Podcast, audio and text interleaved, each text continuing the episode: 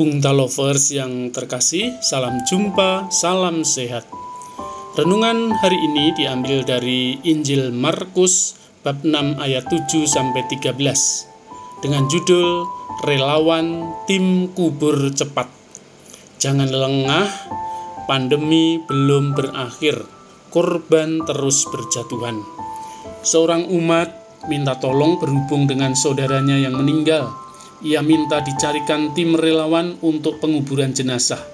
Saudaranya ini mendapat urutan ke-36 di suatu wilayah. Sementara tim relawan sangat terbatas. Hari ini tim relawan baru menguburkan jenazah urutan ke-15. Sementara satu tim hanya boleh bertugas sehari sekali.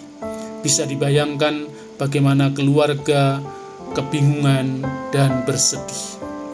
Pada waktu layat di tempat lain, seorang anggota tim mengeluh kurangnya tenaga relawan. Apalagi tenaga dari pihak gereja Katolik sangat minim. Tim relawan sangat membutuhkan tenaga-tenaga muda yang mau terlibat. Ketua tim relawan Kecamatan Cawas juga mengungkapkan hal yang sama, minta dukungan tenaga relawan terutama dari pihak gereja. Sedih rasanya mendengar kenyataan ini. Saya ajak tim unit reaksi cepat paroki untuk menggalang dukungan tenaga bagi relawan kecamatan. Gereja Cawas memanggil putra-putrinya, terutama kaum muda untuk bergabung dalam tim kubur cepat atau TKC sebagai relawan di kecamatan.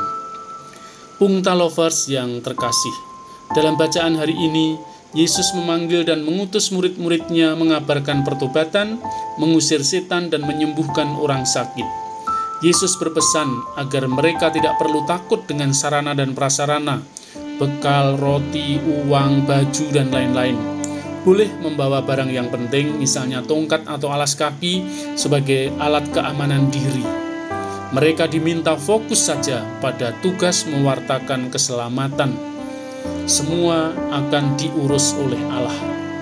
Sekarang ini banyak orang sakit, bahkan ICU rumah sakit sudah penuh korban yang meninggal juga tidak sedikit.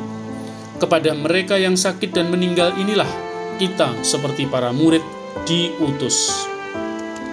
Mereka juga harus siap bahwa niat baik belum tentu diterima oleh orang lain dengan baik. Nabi Amos diusir oleh Amasya, imam di Betel. Yesus juga mengingatkan kalau ada orang yang tidak mau menerima dan mendengarkan warta mereka, kalau ada suatu tempat yang tidak mau menerima kamu, dan kalau mereka tidak mau mendengarkan kamu, keluarlah dari situ dan kebaskanlah debu yang di kakimu sebagai peringatan bagi mereka. Bersiaplah, kadang dari kalangan kita sendiri justru menghambat usaha baik ini, seperti yang dialami oleh Amos.